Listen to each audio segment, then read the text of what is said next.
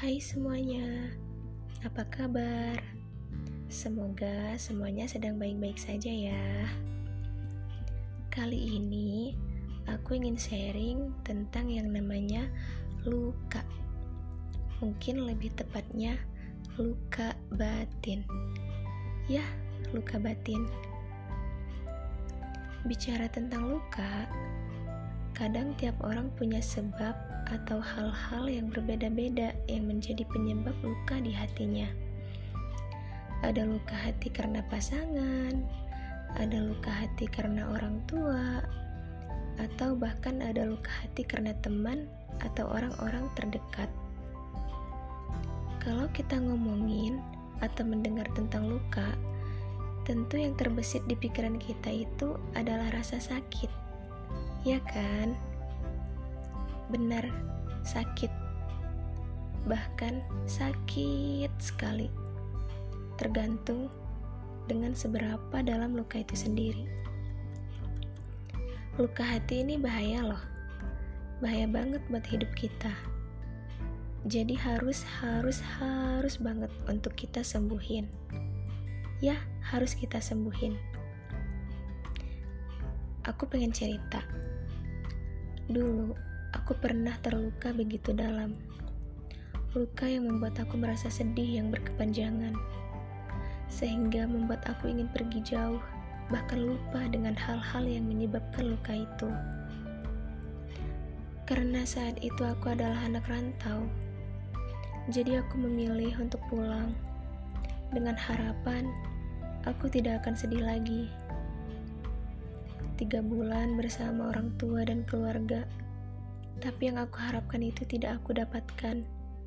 Jauh di hati aku, aku masih terluka dan masih sering menangis dalam diam. Dengan kondisi yang seperti itu, aku memutuskan untuk merantau lagi, tapi tidak dengan tempat yang sama. Dengan tujuan, aku ke sana untuk mencari kesibukan, yaitu dengan kursus bahasa Inggris. Kenapa aku pilih itu? Selain dari bahasa Inggris aku yang memang masih basic banget, aku juga berpikir bahwa dengan itu aku bisa lupa dengan kejadian-kejadian hal-hal yang membuat aku luka. Dan benar, I'm really happy di sana. Dan aku lupa dengan rasa sedih yang selama ini susah untuk aku hindari.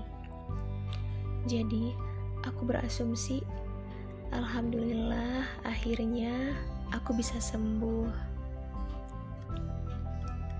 Namun, kadarullah dua tahun kemudian, aku dipertemukan kembali dengan orang yang membuat aku luka. Aku berusaha untuk bersikap biasa saja sebagai diriku yang baru. Tapi siapa menyangka, luka yang kukira sudah sembuh, ternyata itu belum sembuh. Ketika ada hal-hal yang sepele atau kecil saja, itu bisa membuat aku merespon hal itu dengan tidak sewajarnya. Misal, ada masalah A nih, harusnya aku bisa respon masalah itu dengan level 1.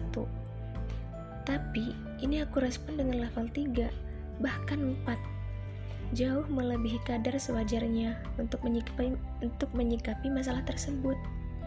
Dan itu sering banget terjadi. Hingga pada suatu hari, aku berpikir, Kok aku seperti ini ya? Padahal tidak perlu aku merespon hal kecil seperti itu dengan respon yang berlebihan. Dan muncullah pertanyaan, kenapa aku? Setelah dicari-cari dalam diri, ternyata aku menemukan penyebab aku seperti itu. Ternyata luka yang kukira sembuh, itu belum sembuh. Ya, belum sembuh. Dulu aku mengira dengan meninggalkan dan melupakan luka itu begitu saja tanpa pernah membahasnya. Itu aku berusaha untuk menyembuhkan diriku dari luka itu. Ternyata aku salah. Aku tidak menyembuhkannya, melainkan aku menguburnya dalam-dalam dengan keadaan belum sembuh, sehingga rasa sakit itu masih ada, baik itu aku sadari atau tidak. aku segera mencari bagaimana untuk sembuh dari luka batin atau self-help. Dan akhirnya aku menemukan cara untuk sembuh yang paling sesuai dengan luka batin yang aku alami. Dan itu kuncinya adalah menerima. Ya, menerima. Buka lembaran-lembaran masa lalu, khususnya lembaran-lembaran tentang luka tersebut. Buka satu persatu. Ingat dengan detail. Jika saat itu kau ingin menangis, saat mengingatnya, biarkan dirimu menangis. Dan katakan pada dirimu sendiri, Ya Allah ini sakit, semua ini engkau yang kasih. Semua pasti ada hikmahnya. Entah itu aku bisa rasakan sekarang atau nanti. Ya Allah, aku terima semua ini ya Allah. Dan aku ingin sembuh. Ketika kau menarik itu secara vertikal dan hanya ada dua subjek, yaitu dirimu dan rohmu dalam penyebab luka itu. Saat itu akan ada sebuah penerimaan dan kelegaan dan setelah itu hatimu tidak akan terasa sakit lagi. Percayalah, rasanya nyesek, pilu saat kau mengingat kejadian yang membuatmu luka.